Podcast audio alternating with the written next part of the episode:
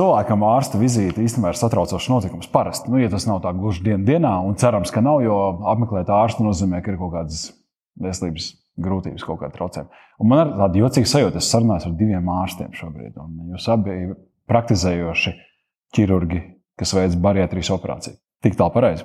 Jā, Fu, es jau tā zinu, satraucos. Labi, atgādinājums mūsu skatītājiem, kuri iespējams ir kaut ko dzirdējuši, iespējams nav par bariatriju. Kas tas ir? Maksim. Bariatriskas operācijas mērķis ir svara samazināšanās, un līdz ar to, ar to arī ar to saistīts blakus slimību ārstēšana, kā piemēram hipertenzija, muskulas. Hipertenzija asinsspiedienu, paaugstināts asinsspiediens, kas tiek nekontrolēts bez medikamentiem. Mhm. Jo parasti cilvēkiem, kam ir izteikts liekais svars, ir blakus problēmas. Diabetes, spiediens, tur varētu būt problēmas ar skeletu vai ne? Locītavas, tur varbūt arī kaut kur asinsvadu nosprostošanās, galvas. Tieši tā, tas velk līdzi arī paaugstinātu holesterīnu. Jā kas arī nosprosta asinsvadus, kas novada galu galā pie infarktiem, insultiem un, diemžēl, dažādām citām sliktām lietām. Jā. Kādreiz es esmu piebaudījis, kādreiz pacienti jauc mūsu nozara ar kosmetisku ķirurģiju, ar liposaksu un, un atnāk, vai jūs nevarat man taukus atsukt, vai, vai atsūtat taukus. Ne, mēs taukus neatsūcam. Mēs taisam tādas operācijas, pēc kuras pacients pats zaudē uh, lieku svaru. Jā, tad tehniski nekas nekur netiek atsūkts. Tiek vai nu samazināts kuģa izmērs, vai nu kaut kā tiek apiets kuģis. Es pareizi atceros. Tad, tad mēs kaut kur kaut ko mazliet tīri fiziskā lieluma ziņā samazinām, lai cilvēks nevar tik daudz apēst. Tā sanāk. Mēs samazinām, mēs mainām anatomiju, bet mainot anatomiju, mēs mainām krietni iejaucamies metabolismā. Jo, teiksim, kad bariatriskā ķirurģija sākas, tad bija tāda doma, ka mēs teiksim, samazinājām kundzi apjomu, un cilvēks nevar daudz saprast, vai mēs taisām mazu kundzi un savienam ar žādam, un tā barība neuzsūcās. Bet pašlaik pētījumi rāda, ka mainot anatomiju, mēs mainām metabolismu, un tāpēc notiek tas izmaiņas. Nevis, Tātad mēs ietekmējam vilmaiņas procesu ķermenī. Kas tur mainās? Ja tā populāri zinātniski jā, jāizskaidro. Tur labāk sagremojas ēdiens. Diviem vārdiem mēs mainām enerģijas balansu. Kā tiek parasti cilvēki uzkrāts tas enerģijas balans, tad, tad taukos un tā tālāk. Mēs dodam ķermenis, ķermenim uzdevumu to dedzināt. Vienkārši sakot, kā, kā, kā mēs to dodam, tad, kā doktors jau teica, ka mēs uh, izmainām fizioloģiju hormonālus. Jo mums ir uh, gan uh, gremošanas hormoni, piemēram, apetītes hormoni, izsalkuma hormoni, un mainot anatomiju, mēs mainām to mm, izvadīšanas laiku. Teiksim, ja mēs apējam kungi, mēs tiekam uzreiz tievais zarnās ar ēdienu. Un, ja ēdiens kā ir no tievas zarnas, teiksim tā, tad tas dod signālu smadzenēm, ka, hei, beidz ēst, ēdiens ir jau tik tālu. Kā viņš ir tik tālu ticis, tad jau kuņģis noteikti ir pilns, no ko var ēst. Apmēram, jā. Okay. Ah, tad mēs tā kā apmānam mazliet. Jā.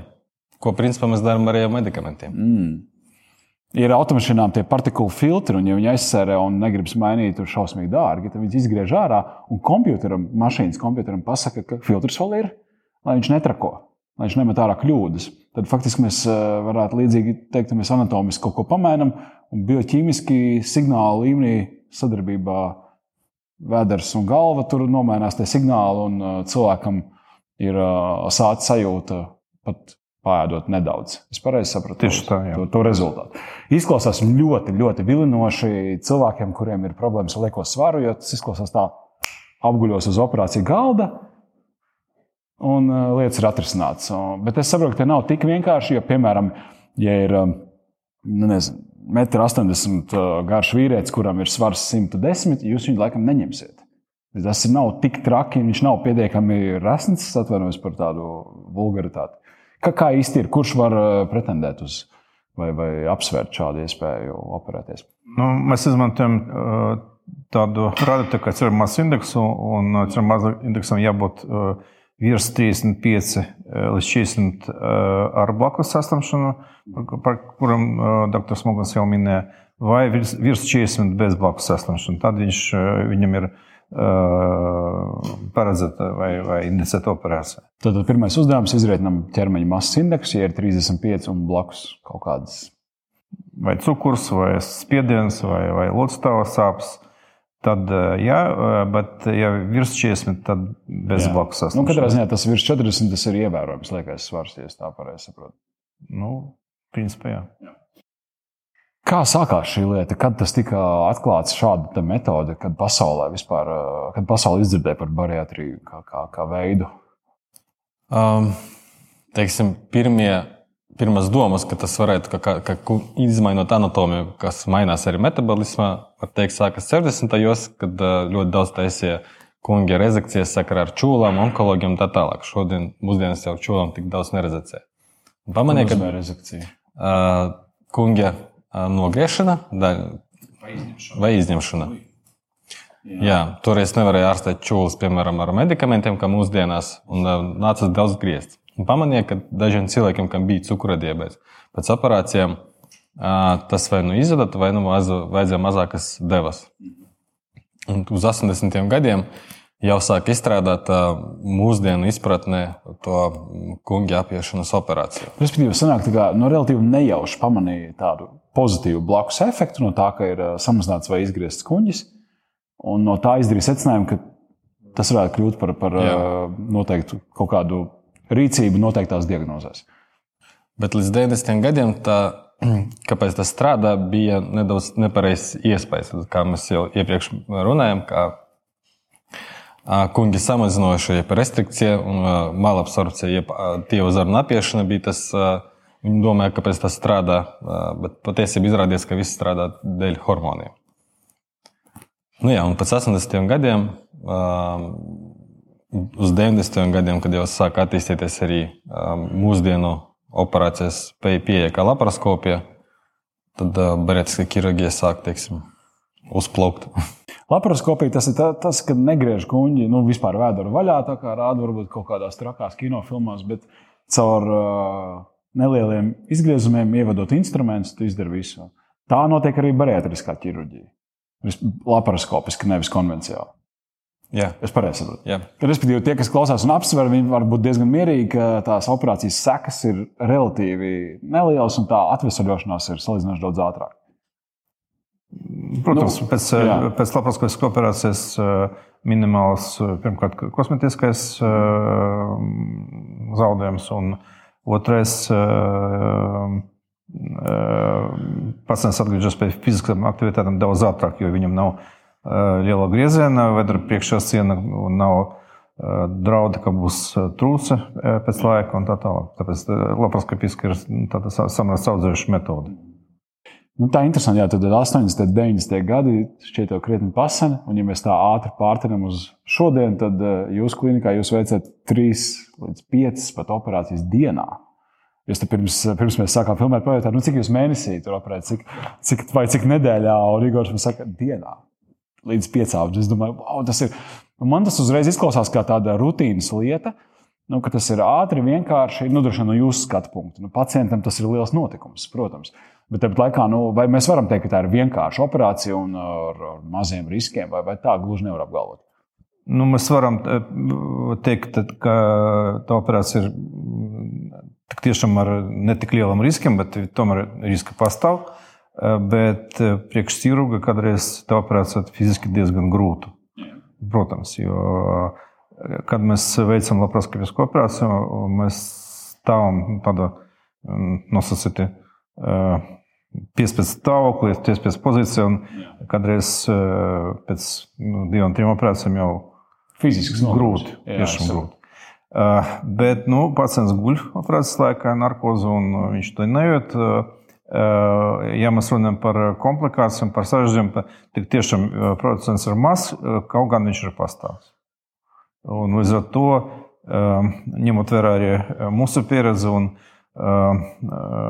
statistiskus datus ārzemēm, brītiskā ķirurģija skaitās, ka droša metode, ar kuru var ārstēt gan aptaukošanu, gan arī tādas problēmas kā cukura diabetes. Jā, pie kam, ja mēs uz tiem svaru kausiem noliekam, ok, ir kaut kāds risks operācijai, bet tāpat laikā, ja es to nedaru un netieku galā ar lieko svaru, kurš ir stipri par daudz, tad tās konsekvences var būt daudz nopietnākas. Tas pats cukurdibēts, kaut kādas skeleta problēmas, sirds asinsvadu saslimšanas un viss tas. Nu, jā, tādā ziņā tur ir, ir kaut kāda loģika tajā uz to kaut nelielu risku tomēr iet un, un operāciju darīt. Labi. Kas notiek pēc tam, kad cilvēks ir pamodies, pagājusi diena, nedēļa, mēnesis? Kas, kas notiek, cik, cik strauji zūd svars un kas pacientam ir jāievēro, lai, lai viss būtu sekmīgi? Nu, sāksim ar to, ka pacients pamostās teiksim, uz vakaru pusi pēc operācijas, un viņš jau sāk celties, staigāt un dzert ūdeni. Nākamā diena viņš visu dienu staigā, dzer ūdeni līdz litram. Tad otrā pēcoperācijas dienā mēs viņu izrakstām jau mājās. Nu, mēs pārbaudām analīzes, mēs skatāmies, vai nav uh, pazemināts hemoglobīna līmenis, kas var liecināt par asiņošanu, vai uh, iekasuma markeri nav paaugstināti, kas var liecināt par kaut kādiem iekasuma procesiem iekšā. Ja tas nav, tad mēs droši izrakstam ārā un pacientu arī konsultējam pirms izrakstīšanas dietologu. Jo dieta ir ļoti svarīga lieta pēc mūsu operācijām. Jo nedrīkst domāt, ka operācija ir brīnuma lieta un pacients var ēst visu to pašu, ko viņš ēda pirms tam, un būs labs rezultāts. Tā nebūs. Tāpēc mēs cenšamies mūsu pacientus aicināt pēc vienam, trim, sešiem, 12 mēnešiem pēc operācijas uz kontroli. Mēs kontrolējam svaru zudumus, mēs kontrolējam arī izmaiņas analīzes, mēs skatāmies, vai nav mazasinība, vai nevajag papildu ņemt kādas citas preparātus. Un visstraujākais svara zudums notiek pirmā gada laikā. Pirmā gada laikā, jā. Mhm.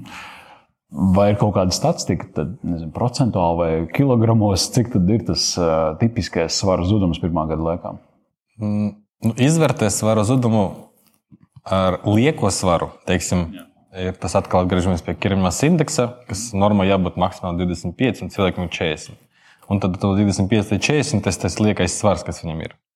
Un, teiksim, Pusgada laikā viņš eh, zaudē 50% no tā lieka svara. Tie var būt pat, cik es saprotu, vairāki desmiti kilogrami. Jā. Jā. Mēnesī, pirmajos mēnešos pēc operācijas, tas var variēt no, nezinu, no 6 kg mēnesī līdz pat dažas 20, 25 kg var zaudēt mēnesī. Un, jā, gada laikā mm, faktiski, nu, protams, neatgriežas cilvēki, teiksim, normālā svarā, bet līdz kādiem 80% liekas svara noteikti zaudē. Mm. Nu, tas nozīmē, ka gada laikā ir diezgan ievērojams svaru zudums, un pēc tam tas notiek droši vien lēnāk. Un, un cilvēks sasniedz tādu savu ideālo formu pēc pusotra, diviem gadiem, varētu tā teikt. Nu, Skatieties, ka trīs gadu laikā trīs svars laikā. var mm. sasties, un trīs gadu laikā viņš stabilizējas. Mm. Bet atkal gribu uzsvērt to, ka zaudē līdz teiksim, 80%. Tas, tas nozīmē, ka viens zaudē 80, otrs zaudē teiksim, 50, 60 un. Mēs taisām vienādas operācijas. Viņas sastrādātas, teiksim, kad mēs taisām kuģa samazināšanu, mēs izmantojam vienādas zondas, lai kalibrētu to kuģa izmēru. Kad mēs taisām apiešu operāciju, mēs vienmēr izslēdzam 2,5 metru tiem zārnam, bet viens zaudē 80% no liekas svara, otrs zaudē 60, piemēram, 50. Un tas atkarīgs jau, jau, jau nav no mums, bet ir no, paci, no, atkarīgs no pacienta. Jo, nu, ja viņš dara pareizi, tad viņš sasniedz labu rezultātu. Ja viņš dara nepareizi, ja viņš saka, ēst nepareizu barību, saka, ēst starpbarības spēšanas laikam, tad rezultāts nav labs. Mm. Cik stingra ir šī diēta un cik ilgi tā ir tāda ļoti stingra un strikta? Nu, pirmais mēnesis vispār ir šķidra, pušķidra barība. Jā, tas ir pēc operācijas. Un tas nozīmē, ka blenderēt sēdienas un pat jogurtu un tam līdzīgas lietas. Un barībai jābūt olbaltumvielām un šķidrvielām, bez ogļu hidrātiem. jo ogļhidrāti ir viegli asimilējami, vieglas kalorijas, teiksim tā, un arī viņi var izraisīt citas problēmas. Nu, pēc tam pa lielam kopā ar dietologu viņi izstrādā dietas plānu, bet dietas, tas, faktiski tas ir veselīgs ēdiens bez snekiem, tā saucamiem, bez naktsēšanas, noteiktā režīmā. Kā principā jebkuram veselam cilvēkam. Jā. Nu, kā vajadzētu. Kā vajadzētu, jā. jā, tieši tā. Uh, un vienkārši viņam vajag daudz mazāku porciju, uh, lai es ātrāk sajustu to sāta sajūtu. Jā, tomēr tā kvantitāte tur spēlē lomu. Nu, mēs esam kaut ko samazinājuši vai apgājuši. Tad ir tas efekts, ka vienkārši ir mazākas porcijas un, un, un, un ir sajūta, ka pietiek. Nu, mēs to jūtam fiziski, galvā. Reāli cilvēks var apēst vairāk. Nu, bet... Tur viss ir elastīgs, vai ne? Tur var, tādā ziņā var apēst vairāk. Vai... Ah, nu, nu, piemēram, Mēdz tautas valodā teikt, kuņģi, kuņģi var izstaipīt. Nu, tur viens var iedzert nu, nezinu, 5 litru alus pilnīgi mierīgi vienā vakarā, un liekas, viņam ir pilnīgi bezizmēra tas kuņģis. Tas ir par to, ka tur viss tas ir tā ļoti elastīgi, ja tā gluži nav. Nu, tā gluži nav. Jā. Jā, mēs neesam kirza, kas mums neietek nekas pa jaunu. Un, ja mēs runājam par kunga apējošu operāciju, kur pat taisnība tiek tievai zarnās, tad tur var visu dienu ēst un slēgt tajā zarnās kaut ko likt un likt, nosacīti sakot. Bet, piemēram, sāpes sajūtas, prieka un raudāšanas sajūtas mums rodas galvā. Tāpat arī sāpes sajūta, ka mēs esam pārēdušies, arī rodas galvā.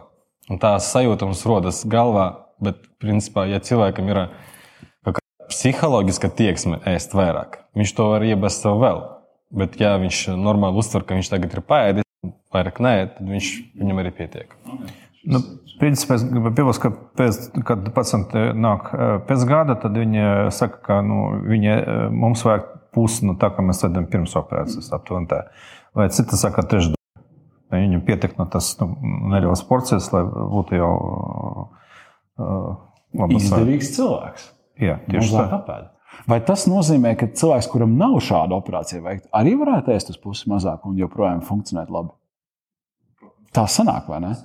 Jo tas, kurš ir pēc tās operācijas, pēc tā gada, kad viņš saka, ka viņš divreiz mazāk ēda apjomu ziņā, tad sanāk, viņš jau saņem to nepieciešamo enerģijas devu šā vai tā.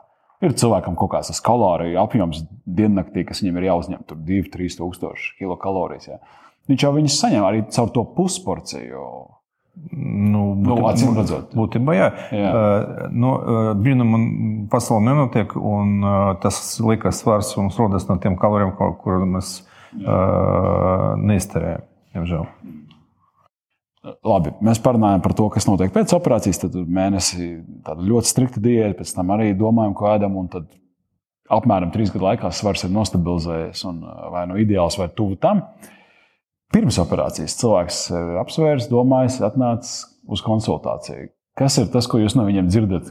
Kaut kādi tipiskie mm, jautājumi, bažas, kaut kādas iespējams bailes, motivācijas jautājumi. Ir, ir, nu, parunāsim par tiem varbūt tādiem scenārijiem, kur cilvēks ir ļoti svārstīgs un varbūt grūti pieņemt viņam lēmumu. Nu, pirmkārt, pacientam jābūt eh, simtprocentīgi motivētam. Viņam jābūt pārliecinātam, ka viņam tas ir vajadzīgs. Ja viņš kaut vienu uh, mirkli uh, doma vai, vai šaubas, tad labāk to nedarīt. Bet motivēts simtprocentīgi, ka viņš grib būt labā formā? Jo viņš jau nezina par pašu operāciju. Viņam nekad tāda nav bijusi. Viņam jābūt motivētam par operāciju. Okay. Ka viņš grib viņu veikt, jo, kā mēs runājam, pirms tam, jebkura operācija ir risks.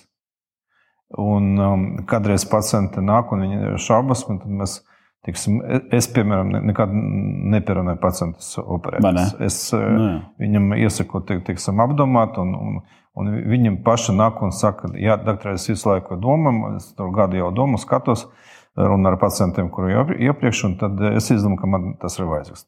Tas ir mūsu pacients. Ja viņ, viņš kaut, kaut mirkli šaubas, tad nē. Man bija viens pacients, vīrietis, kuru atveda sieva uz operāciju. Un es viņam prasu, vai tiešām jūs esat paredzējis, ka tas jums ir vajadzīgs. Viņš saka, nu, es nezinu, bet sieva saka, ka vajag. Es saku, nē, tad labāk. Operācija mēs taisām jums, nevis sievai, un tas ir jūsu veselība, un jums jāatbild par savu veselību. Nevis sieva nevar, nevar izlemt, vai jums vai nevajag. Nu, ja grib vīru, kurš labā formā. Nu, tā ir cita lieta. Tad viņam vajag kaut kā viņu iespaidot, lai viņš pārliecinās un tā tālāk. Bet tā spiest uz cilvēku, lai viņš kaut ko izdara, tad nav laba doma. Un jums pieredze ir ar pacientu bažām, iebildumiem? Um, varu pastāstīt arī citu gadījumu uh, par sievieti, kura veikusi operāciju un uh, atnākusi, pazud, pazudusi uz kādu laiku nebija atnākusi ne pie dietologa, ne pie ķirurga. Atnākusi zaudēt mazu svaru. Un, uh, viņa bija pretenzijas, protams, ka pēc maz svara zaudēja. Bet, pirmkārt, viņa pazuda no redzesloka, otrkārt, viņa nav ievērojusi nekādas rekomendācijas. Un, uh, viņa par to pateica, bet priekš kā man visu to ievērot, ja es samaksāju naudu un tagad man viss jā, jāstrādā tam visam. Ne, ko tad man vēl dietu jāievēro, ja es tik daudz samaksāju? Nu, redz, kā sanāk, jā, tad uh, bariatriskā ķirurģija dod to efektu, jā, ka tu varbūt nu, sācis sajūta atnāk ātrāk, gribēs mazāk, bet jā, tu, tu darbojies visam tam pretī un to joprojām lietas iekšā, ko mēs noskaidrojam, ka fiziski var izdarīt. Uzņēmumam liekas, kalorijas attiecīgi svars nezūd tik, tik strauji, kā gribētos. Um, kas vēl jāņem vērā? Kaut kādas estētiskās lietas, ja cilvēks strauji zaudē svaru, tur uh, āda ir elastīga, bet ne bezgalīgi. Ja? Kas tur notiek? Vai pēc tam seko arī kaut kādas plastiskās ķirurģijas vai neobligāti? Nu, pusotra, divu gadu laikā tiešām parādās liekāda. Un, protams, tas ir atkarīgs no cilvēka, cik viņš bija liels pirms operācijas, un cik viņš bija teiksim, jauns, cik tāda ir elastīga. Bet, nu, pēc tam jā, ir jā, nepieciešama plastiskā ķirurga konsultācija lai veiktu mm, lieku ādu noņemt no rokām vai no vedra. Un tas, starp citu, ir arī pētījumi, kas rāda, kas vēl tas vairāk uzlabo to metabolisko efektu. Tas tie vēl lieko to kilogramu noņemšana ar ādu, tas vēl uzlabo. Nu, cik interesanti. Jā. Viss ir saistīts. Organisms tāds komplicēts mehānisms. Noslēgsim varbūt ar tādu plašāku skatījumu uz Latviju. Kā jūs redzat, šobrīd mēs Latvijā, mūsu iedzīvotāji, vai mēs esam labā formā, vai mēs aptaukojamies? Kā, kā ir? Ir kādi dati, statistika? Nu, mēs neesam tie labākie Eiropā, diemžēl. Mums ir 24% aptaukošanas. 24%. Tas ir ceturtā daļa. Jā. Ir aptaukojušies. Tas ķermeņa masas indeks ir cik, lai mēs teiktu, ka tas ir aptaukojies? Virs 30. Virs 30. Tad tuvu jau tai robežai, par kuru mēs runājam, bariatrijas kontekstā. Diemžēl, jā. Un uh, kas vēl trakāk, man uzskata, tas, kas uh, aptaukojas uh, jaunieši, jaunie cilvēki. Un pašlaik pasaulē jau vairāk un vairāk runa par bariatrisku ķirurģiju jauniešiem no, no 15 līdz 18 gadiem. Respektīvi, pēc 18. to var darīt jau šobrīd, bet bērniem, jauniešiem tas ir vēl diskusiju pamats. Citās valstīs jau, piemēram, Kanādā, jau to dara. Tā kā pa valsts kvotu. Tur Ziemeļamerikas ēšanas kultūra iespējams nu, jā, tā attaukošanās varbūt ir vēl lielāka problēma. Jā, tur 50%. Uh, jā. Bet tā izklausās, ka mēs uz to ejam. Es negribu tā būt tas sliktais, kas saka advokāts, kurš to prognozē, bet tā, tā tendence ir tāda. Ja, nu es, ja, es, ja, ja es nekļūdos, maksim, tad mums ir Latvija ir ceturtā vietā Eiropā. Vai pēc mm. Rumānijas, pēc uh, Anglijas. Pēc... Dalījām kaut ko ar lietuviešiem to vietu. Jā, nu, tas ir diezgan, diezgan slikts. Nu, jā, nu, tas ir tāds vēstījums droši vien visiem, tā skatā tiem, kuri ir vecāki, pieskatīt, pieskatīt sevi un savus bērnus un nenonākt līdz sarunai ar Jums, jūs esat brīnišķīgs speciālists, bet pie jums labāk tomēr nenonākt. Kontekstā ar lieko svaru, lai tas labāk nebūtu. Bet, ja ir skaidrs, tad pirmais solis ir konsultācija. Ja ir pārliecība, tad mēs taisām analīzes, izmeklējumus, pārliecinamies par veselības stāvokli. Ārsts dod zaļo gaismu, ieplānojam operāciju. Pēc operācijas atkopšanās fiziski ir samērā ātri. Es sapratu, tur nākamajā dienā jau mājās. Nu, pēc divām dienām mājās, un tad uh, fiziskās aktivitātes mēs ietiesim uh, uh, pēc mēneša uh, sākt uh, kaut kādas fiziskas nodarbības. Uh, Tā kā nopietnas zālē, tur vai baseinā. Tādas. Bet staigāt jau var no pirmajām dienām. Yeah.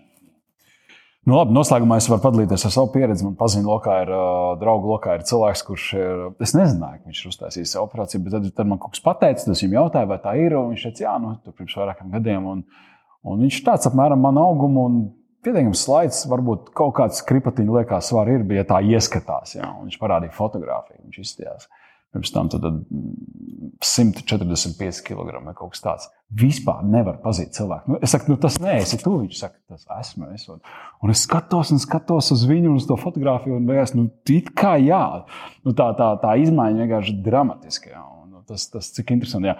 Bet, nu, Un es viņam jautāju, nu, kā tagad ir. Un, un tas viņš ah, tur ēd, cik gribu, ko gribu. Un, bet, bet nu, jā, tas, es sapratu, ka tas apjoms ir, ir, ir krietni mazāks. Jā. Labi, kungi, paldies. Un, paldies. Uh, es saprotu, ka jums, kā saka, atpakaļ pie virpas. Jā, jā. Arī, jā. jā. Labi, paldies.